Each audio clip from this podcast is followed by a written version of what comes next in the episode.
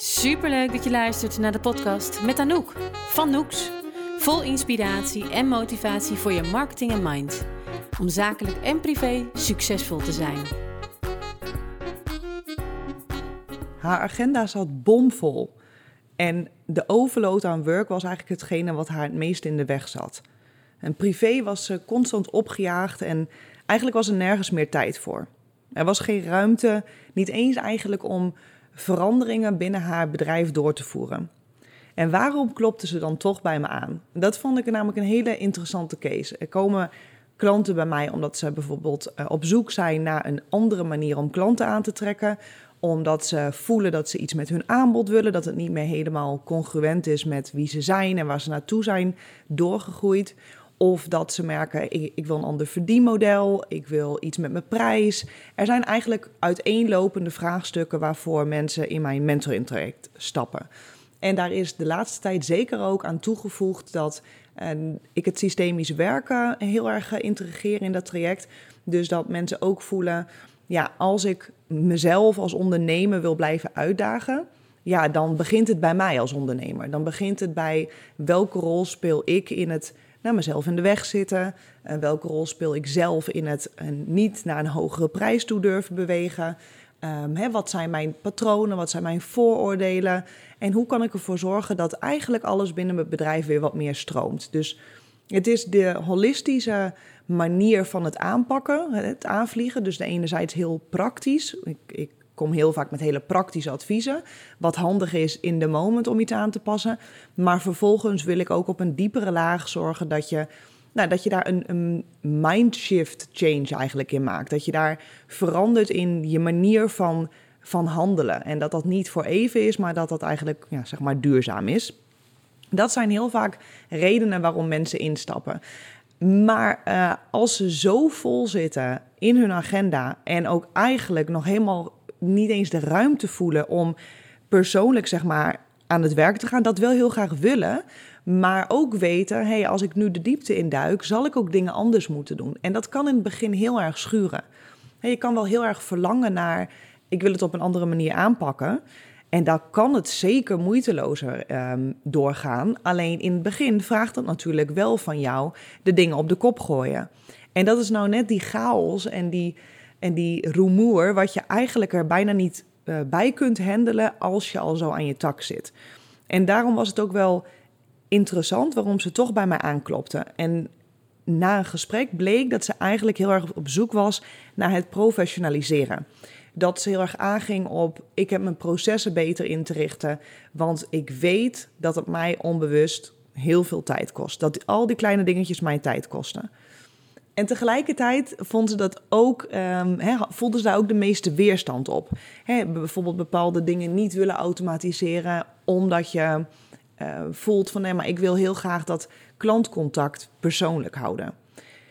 Dan kan ik wel heel praktisch de dingen gaan inrichten, maar waar we eigenlijk op moeten werken is het stukje: wat vertel je jezelf dan over uh, als je dingen automatiseert? Wat vertel je jezelf dan over als bepaalde processen uh, niet alleen maar hè, niet via jou gaan. Dus als je die zou uitbesteden of als die niet uh, in jouw beleving persoonlijk zijn.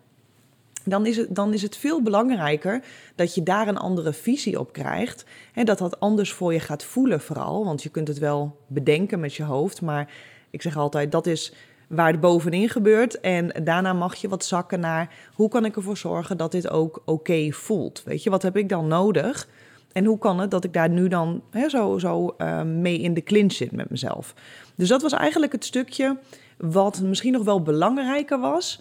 Uh, en waarna we pas eigenlijk de praktische kant op gingen met uh, website teksten veel beter laten aansluiten bij de, nou in dit geval toch wat nieuwere ideale klant. Want dat, daar was ook wat verschuiving in.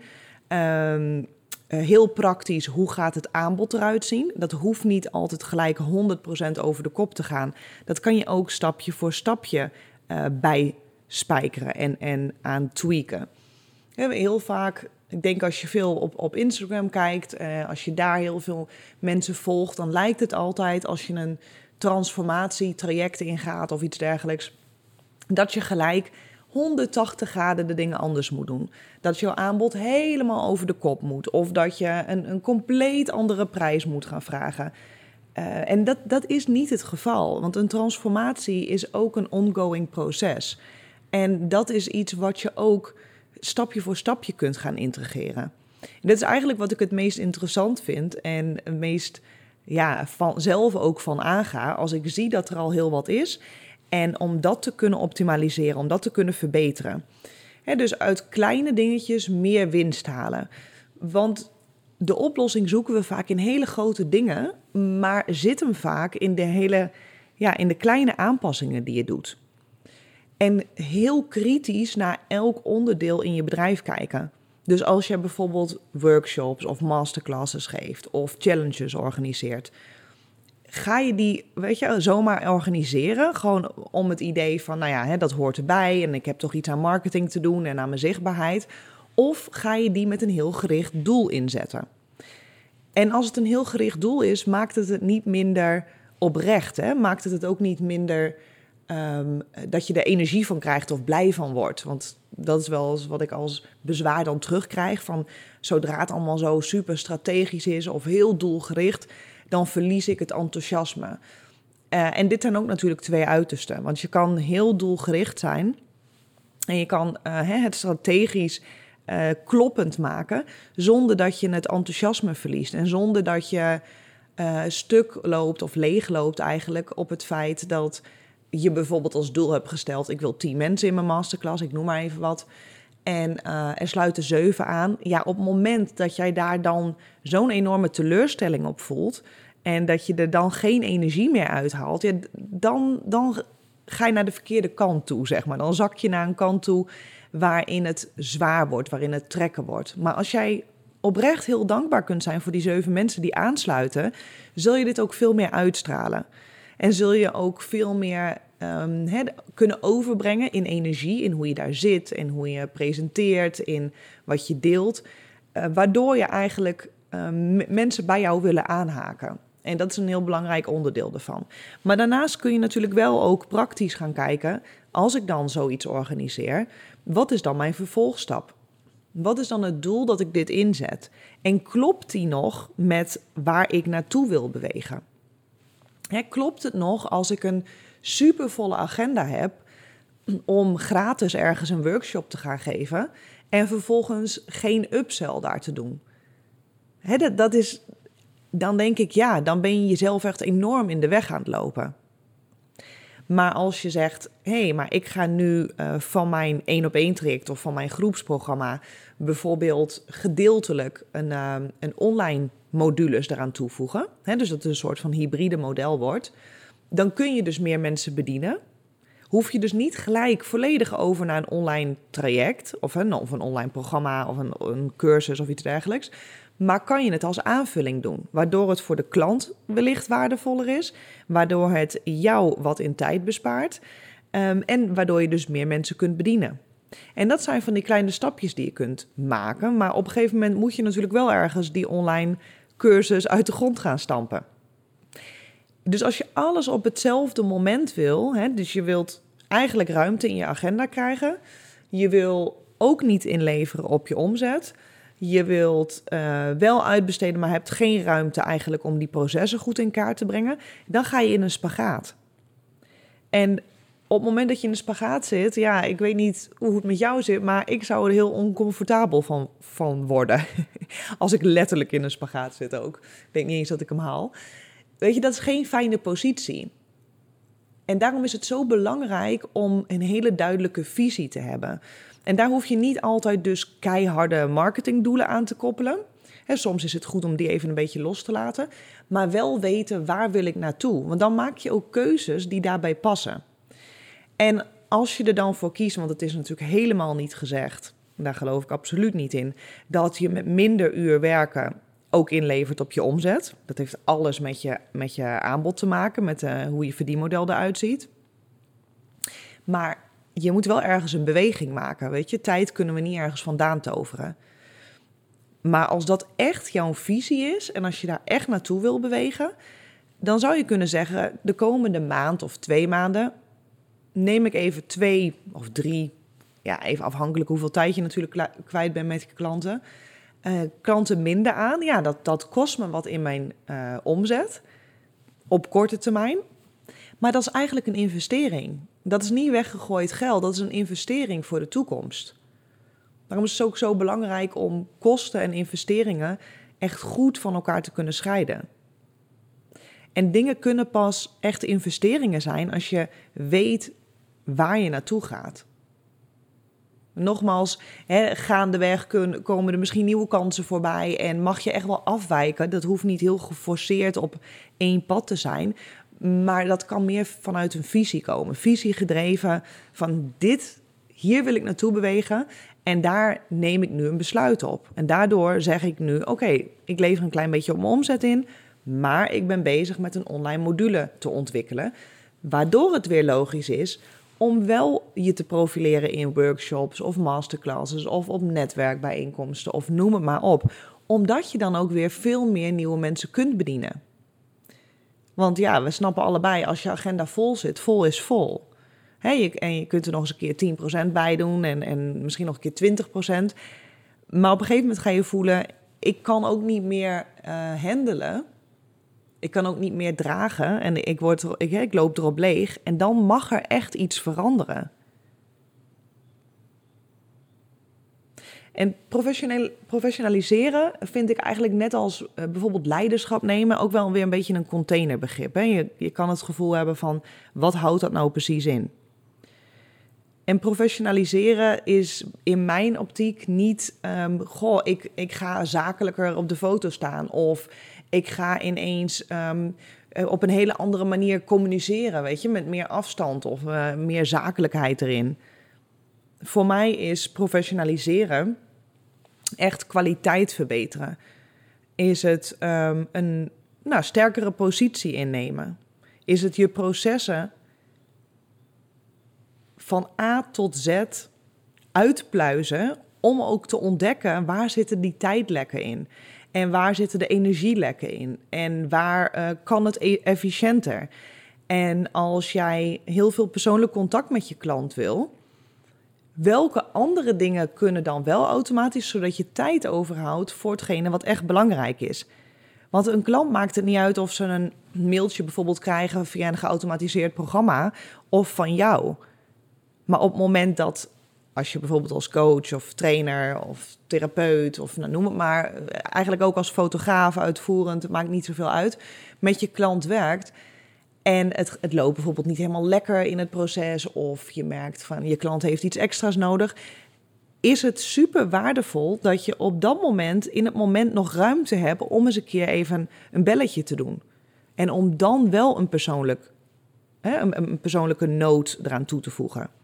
Dus dan kan een belletje of even een kaartje sturen, handgeschreven. Of ehm, ehm, nou, even een, een, spoedsessie tussenin te kunnen gooien. Ik noem het maar. Dat je dan echt kunt bedienen in de moment wat voor jouw klant echt waardevol is.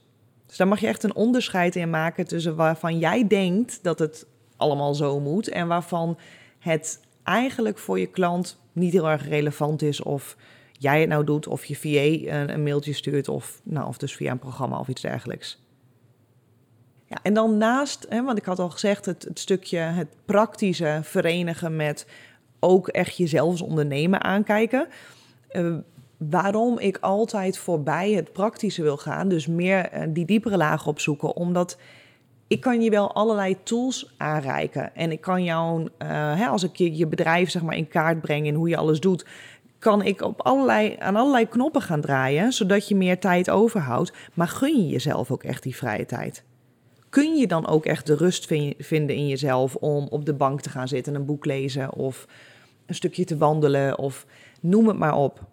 Want een, een legere agenda betekent niet altijd een leger hoofd. En meer vrije tijd betekent niet dat je die ook besteedt aan hetgene wat jou een soort van joy oplevert, wat jouw ontspanning oplevert. En dat is precies de reden waarom ik er heel erg in geloof dat je beide aspecten moet meenemen en waarom ik daar ook heel erg op inzet. als je je aanbod wil aanpassen en dat je ook denkt van nou, dat mag wel wat, maar als je niet helemaal voelt, kun je hem ook niet verkopen. dan kan je er geen taal uh, aan koppelen, kun je er geen woorden aan geven. Dan kun je niet. Ehm, uh, dan kun je hem eigenlijk niet op je, op je website plaatsen. Dan vind je het helemaal. Dan voelt het helemaal verkeerd om dat te doen. Dan heb je geen energie erop op de elementen die misschien in jouw aanbod zitten.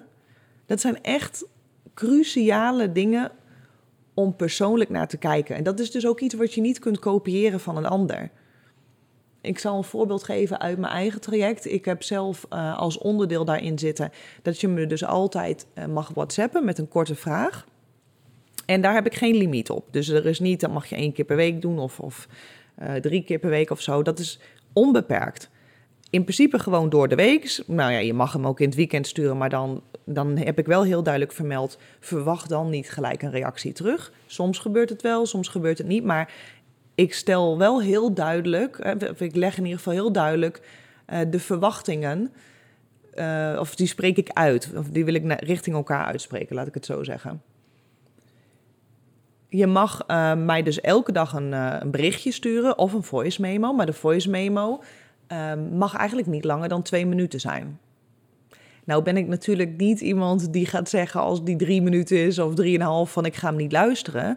Maar ik, ik stuur hierin dus al gelijk wel een beetje. Puur omdat ik weet dat ik, het, dat ik er geen energie van krijg als ik een kwartier moet luisteren. Weet je, daar voel ik dan niet de rust voor.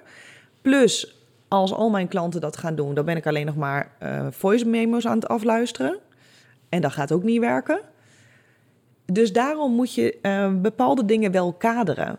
Maar ondanks dat het gekaderd is, geeft het wel een heel fijn gevoel van, van vertrouwen en zekerheid. En het gevoel dat de klant even op mij kan leunen en uh, snel bij me terecht kan, dus niet op de volgende sessie hoeft te wachten. En dat zijn vaak ook voor de praktische dingen, maar soms ook uh, dat hij even met zichzelf in de clinch zit. Of hey, ik wil dit eigenlijk sturen, maar ik merk dat ik er weerstand op voel. Als hij iets naar een klant wil sturen, dat, dat krijg ik wel eens.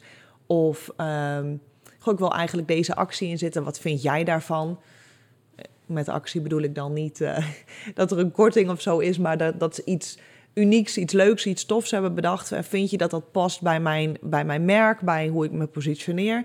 Dat je dat soort vragen eh, maken dat je snel even verder kunt. En dat stukje, dat onderdeel in mijn traject, wordt dus ook als heel erg waardevol ervaren door mijn klanten. En in de praktijk kost het me niet enorm veel tijd. Omdat ik dat dus min of meer gekaderd heb in, in lengte van het bericht. Ik heb mezelf ook de ruimte gegeven om binnen 48 uur te reageren. Nou, zullen al mijn klanten vertellen dat ik altijd heel snel ben. Want ik probeer altijd ook tussen sessies door even snel te luisteren. En, en daar heel um, adequaat uh, snel op, op um, een reactie op te geven. Maar goed, soms zijn er momenten dat dat niet lukt. En dan is het goed om te weten van, nou, maximaal 48 uur en dan kun je iets terug verwachten. Bij mijn klanten, uh, of bij mijn traject, krijgen mijn klanten ook een online tool, een online um, ja, dashboard eigenlijk, waarin ze uh, bijvoorbeeld marketingteksten kunnen, kunnen uploaden. En dat kunnen zijn website teksten, dat kunnen zijn blogs, dat kunnen zijn introducties voor je nieuwe podcast. Hè, wat zet je daarin? Of uh, social media tekstjes. En dat ze dan vragen van, goh, wil je hier even naar kijken? Hè? Wat voel je erbij? Klopt het helemaal? Wat mis je nog? Dat mogen ze ook elke dag uploaden, maar er zijn twee dagen in de week dat ik erin kijk. Dus dat is ook vaker dan mijn sessies. Zo zijn er elementen die je kunt toevoegen aan je aanbod, wat dus voor de klant heel zwaar meeweegt eigenlijk in het, in het gevoel gezien en gehoord worden. En op iemand terug kunnen vallen. En jou niet altijd per se evenredig veel tijd hoeft te kosten. En dit zijn dingen die je kunt tweaken in je, in je aanbod die heel relevant kunnen zijn. Nou, dan was er uh, nog een ander topic. Ze wilde uiteindelijk meer winst maken, maar zag, zag geen opening om die winst omhoog te kunnen schroeven. En ik noem bewust winst, want omzet hè, kan omhoog als je wat meer klanten aanneemt. Maar ja, ook daar was niet heel veel ruimte. Maar als je vervolgens besluit, hé, hey, maar ik wil ook meer vrije tijd. Dus ik zal ook wat dingen moeten overdragen aan dan wel een VA of een... Uh, uh, een copywriter of nou, noem maar op wie je op dat moment nodig hebt binnen je bedrijf. Ja, daar zijn natuurlijk, zitten ook kosten aan verbonden. En dan is het gewoon goed om een balans op te maken tussen ja, welke, welke kosten leveren jou in die end meer op. En dat klinkt een beetje tegenstrijdig, hè? want ik had het over kosten en investeringen scheiden. Het is een, een VA is geen investering, want het is een, een terugkomende kostenpost.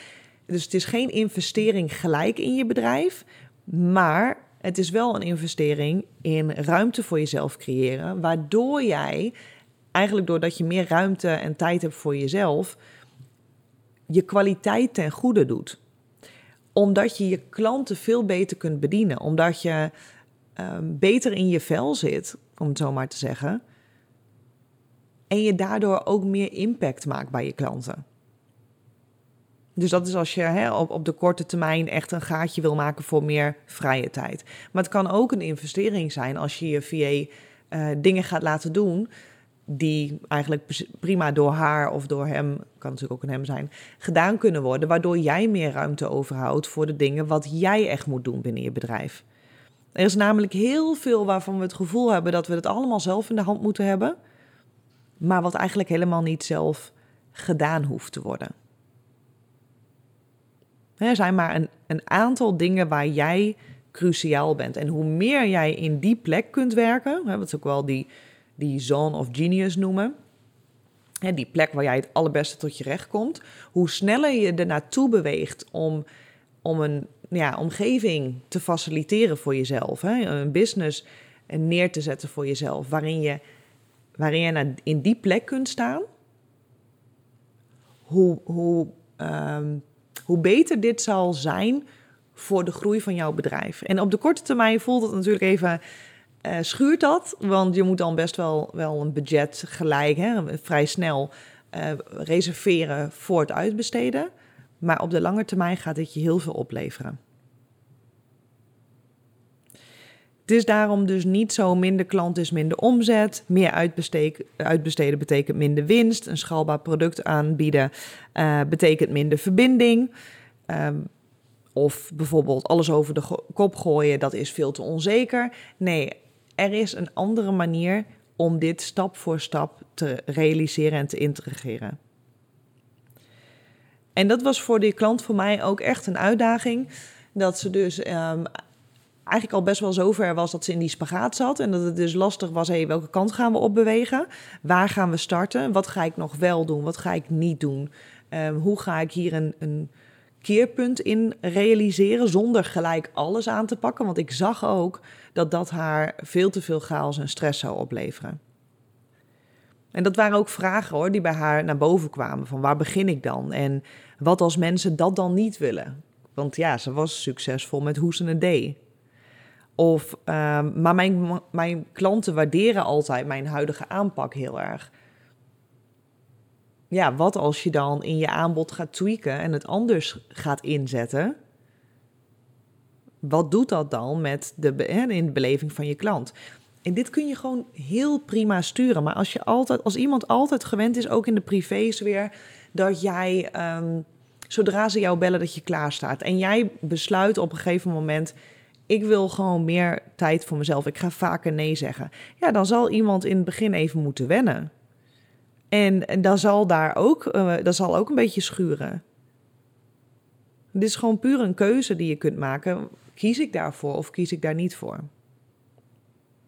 Kies ik ervoor om mijn eigen weg te volgen of kies ik ervoor om mensen tevreden te blijven stellen?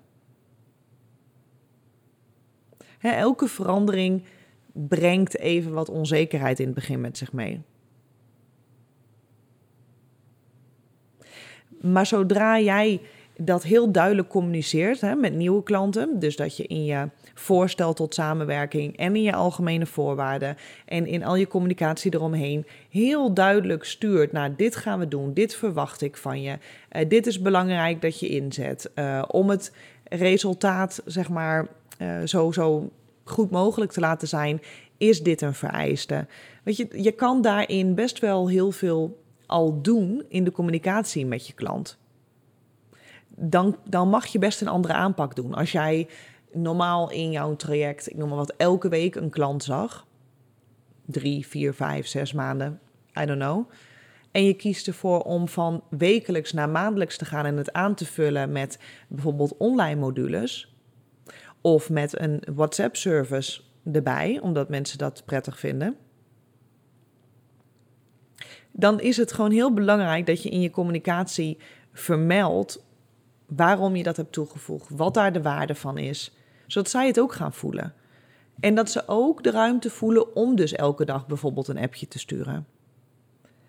Want op het moment dat je het heel vrij laat voor je klanten, van uh, ja, nee, je kunt mij altijd bereiken, leg je ook een bepaalde last bij je klant neer. Want zij zullen zich gaan afvragen: hey, is het wel oké dat ik nu weer contact opneem? En op het moment dat zij zich die vragen gaan stellen, dat, dat gaan afvragen, gaan ze het misschien niet doen. En dat gaat natuurlijk ten koste van uiteindelijk het resultaat wat je ermee gaat bereiken. En dat gaat ook ten koste van, voelt die klant zich geborgen bij je? Maar hè, dit soort dingen zoals WhatsApp-service toevoegen, waar ik, waar ik net ook al even over was begonnen, is voor mij een heel prettige manier en voor mijn klanten. Maar dat hoeft het voor jou niet te zijn. Ik heb namelijk ook klanten die zeggen: ja, maar op het moment dat ik uh, op vakantie ben, of een weekendje weg ben, of een dagje vrij ben, en ik krijg een appje van een klant binnen met een vraag of een verzoek, of hè, er moet iets gebeuren, dan geeft mij dat toch wel een beetje stress dan merk ik dat ik gelijk weer in die werkmodus schiet. En dan kan ik niet helemaal loslaten. Ja, op het moment dat dat met jou gebeurt, is het misschien ofwel niet het beste wat je in je, in je aanbod kunt verwerken, ofwel je moet andere maatregelen nemen. Dus je hebt bijvoorbeeld een aparte werktelefoon. Of ehm, je doet het niet via WhatsApp, maar via een ander online programma. Foxer en, en Slacker, geloof ik, heb je nog. Er zijn, er zijn meerdere in ieder geval waar je uh, zo met voiceberichten kunt werken. Ik gebruik ze zelf niet, maar dan heb je daar een aparte app voor en dan is het alweer makkelijker om die niet te openen. En daarom kun je dus van alles in je aanbod, hè, in, je, in je pakket gooien. En dat het heel belangrijk is natuurlijk dat, er, dat klanten dat willen kopen. Want ja, er is aan de ene kant kun je zeggen er is voor alles een markt, maar het is wel zo dat uh, dat er ook afname moet zijn natuurlijk. als jij iets op de markt gooit waar helemaal geen behoefte aan is, ja, dan wordt het wel heel lastig natuurlijk. Dus dat is wel degelijk nog steeds iets om rekening mee te houden. En ik weet dat er, dat, dat uh, bijna not done is om te zeggen, omdat het gaat, het moet altijd helemaal van jou uitgaan en je kunt dan alles verkopen en noem het maar op. Daar ben ik het niet helemaal mee eens. Ik geloof dat het een wisselwerking is. Het moet er moet afname voor zijn, maar het moet zeker ook kloppen met hoe jij het ziet, hè? Met, met jouw visie, met jouw manier van werken, met wat jij prettig vindt. En die twee moet je verenigen en dan moet het, dan moet het een passend aanbod kunnen zijn. Dus als je dat gevoel hè, van, van die appjes, als, je, als je dat niet voelt, laat het dan ook liggen. Daarom kan je ook niet één op één kopiëren wat een ander doet of welke strategie een ander volgt. En dat vind ik soms wel eens een gemis. Um, een gemist, nou, gemiste kans. Ja, jammer als ik het soms voorbij hoor komen dat mensen, business coaches, heel stellig kunnen zijn in dit werkt. Als het voor jou niet werkt, betekent het niet dat het niet werkt, dan doe je het gewoon niet goed. En daar ben ik het niet helemaal mee eens.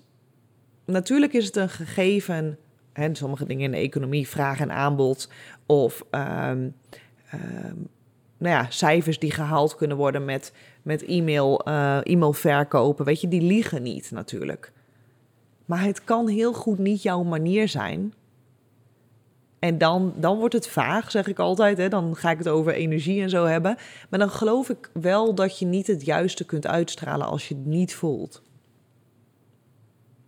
Dus dan denk ik, ga in dat opzicht lekker je eigen weg volgen dat maakt je authentiek en dat maakt ook dat mensen bij jou willen aanhaken. Dat de juiste mensen zeggen: hey, deze manier, uh, hoe dit aanbod, hoe dit pakket eruit ziet, hoe deze dienstverlening in elkaar is gezet, daar, daar voel ik me comfortabel bij. Dat vind ik prettig. Vind ik een, een fijne manier van werken en daarom stap ik bij jou in. Omdat ze een connectie met je voelen. Dus ga daar ook heel kritisch naar kijken. Wat kan wel in mijn aanbod en wat, wat mag er eventueel uit? Waar kan, ik, waar kan ik plussen en minnen waardoor ik niks ten nadele uh, of niks ten koste laat gaan van de kwaliteit en van de waarde voor mijn klant. Dat ik die eigenlijk juist verhoog en tegelijkertijd meer ruimte voor mezelf creëer. En wat heb ik te doen om daar misschien wel zelfs een ander prijskaartje aan te hangen? Wat heb ik te doen om de waarde van mijn traject of mijn programma of mijn cursus of mijn dienstverlening te verhogen? En dan bedoel ik de praktische waarde, hè, wat zij eruit gaan halen, maar ook de waarde in geld. En wat ik je heel graag nog wil meegeven, zie het alsjeblieft als een proces. En dat is wel af en toe, heel eerlijk gezegd, ook wel eens mijn frustratie, wat ik zie in, uh, in de online wereld. Dat het allemaal quick fixes zijn, morgen opgelost is. Uh, het gaat allemaal over meer, meer, meer. Terwijl het uiteindelijk gaat het over een balans vinden. Echt een scheidwoord trouwens, maar uh, wel heel erg waar. Een balans vinden die voor jou helemaal ultiem passend en kloppend is. Uiteindelijk gaat het over voor jou een, een sterke visie ontwikkelen. Van je denkt, ja, zo zie ik het voor me. Dit wil ik voor mijn klanten. Of hè, met, met uh, wat ik doe, wil ik eigenlijk dit realiseren voor de klanten, voor de wereld of noem het maar op. En laat dat, laat dat stapje voor stapje groeien. Verwacht niet dat je morgen al alles over de kop hebt gegooid. Of dat je ineens uh, je prijs keer drie eh, zou moeten doen. Of dat je ineens al je processen helemaal strak hebt ingericht. Je kunt er wel serieuze stappen mee, mee, uh, mee gaan zetten kun je wel vandaag bepalen van ik wil het anders doen. Ik ga stap voor stap um, dingen, dingen veranderen. Dat kan namelijk gewoon. Hè? Het is niet zo dat je nu communiceert: hey, zo ziet mijn pakket eruit. En dat je dan moet wachten tot iedereen klaar is, die bijvoorbeeld nu bij je in de groep zit, voordat je iets. Eh, eh voordat je daar veranderingen, wijzigingen in aanbrengt. Dat is niet nodig. Dat kan je vandaag beslissen. Maar het moet wel logisch zijn. Als jij, en, en dat is een lastige, want ik praat nu natuurlijk tegen de microfoon en er zijn natuurlijk verschillende ondernemers die luisteren. Dus ik weet niet wat er op dit moment in je huidige situatie exact speelt. Of je misschien al een prijs hebt die sowieso al veel te laag is. Dus dat je inderdaad morgen al kunt zeggen: die gooi ik omhoog met de 20%. Maar als je prijs eigenlijk nu heel goed voelt en ook wel heel, heel passend is. Dan is het niet logisch om morgen te zeggen: ik gooi de 50 of 100% bovenop dan kan ik me heel goed voorstellen dat er iets moet gebeuren in je positionering, uh, in, het, in het aanbod, hoe je het, hoe je het vormgeeft, of in um, je bereik, of in je netwerk. Want ja, als je in een andere vijver aan het vissen bent, ik noem maar wat de startersvijver, dan heb je wel echt een netwerk op te bouwen met bijvoorbeeld gevorderde ondernemers als je nu je meer daarop gaat richten. Ja, en dat heb je gewoon niet morgen gedaan. Dus raak daar alsjeblieft niet door gefrustreerd. Want dat zie ik heel veel gebeuren. Mensen die dan denken, ah, het is niet voor mij weggelegd het ondernemen, want ik heb niet morgen 30k verdiend. Hè? Ik heb niet deze maand uh, eh, 50k omgezet. Dat hoeft allemaal niet. Uiteindelijk, ja, het is fantastisch om geld te verdienen. En zeker met datgene waar, jou, hè, waar jouw hart uh, van gaat kloppen, sneller van gaat kloppen. Waar je, door, uh, waar, waar je echt passie voor voelt. Waar je goed in bent dat, dat is super.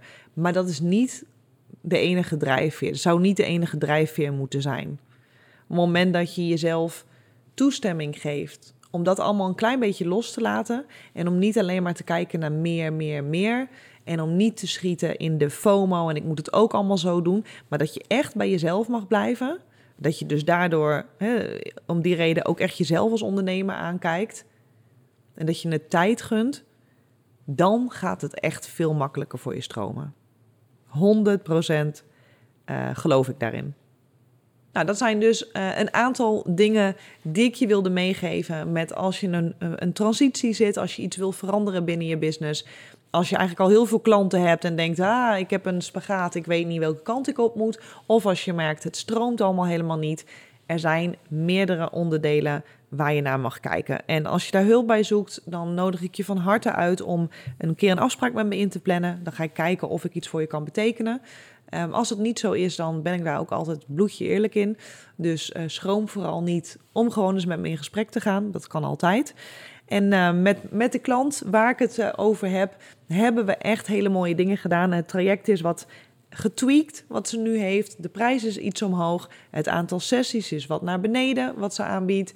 Um, we hebben haar website teksten aangepakt. We hebben gekeken waardoor ze um, welke processen ze kan uitbesteden. Dus ze heeft inmiddels een VA. Uh, ze heeft een copywriter.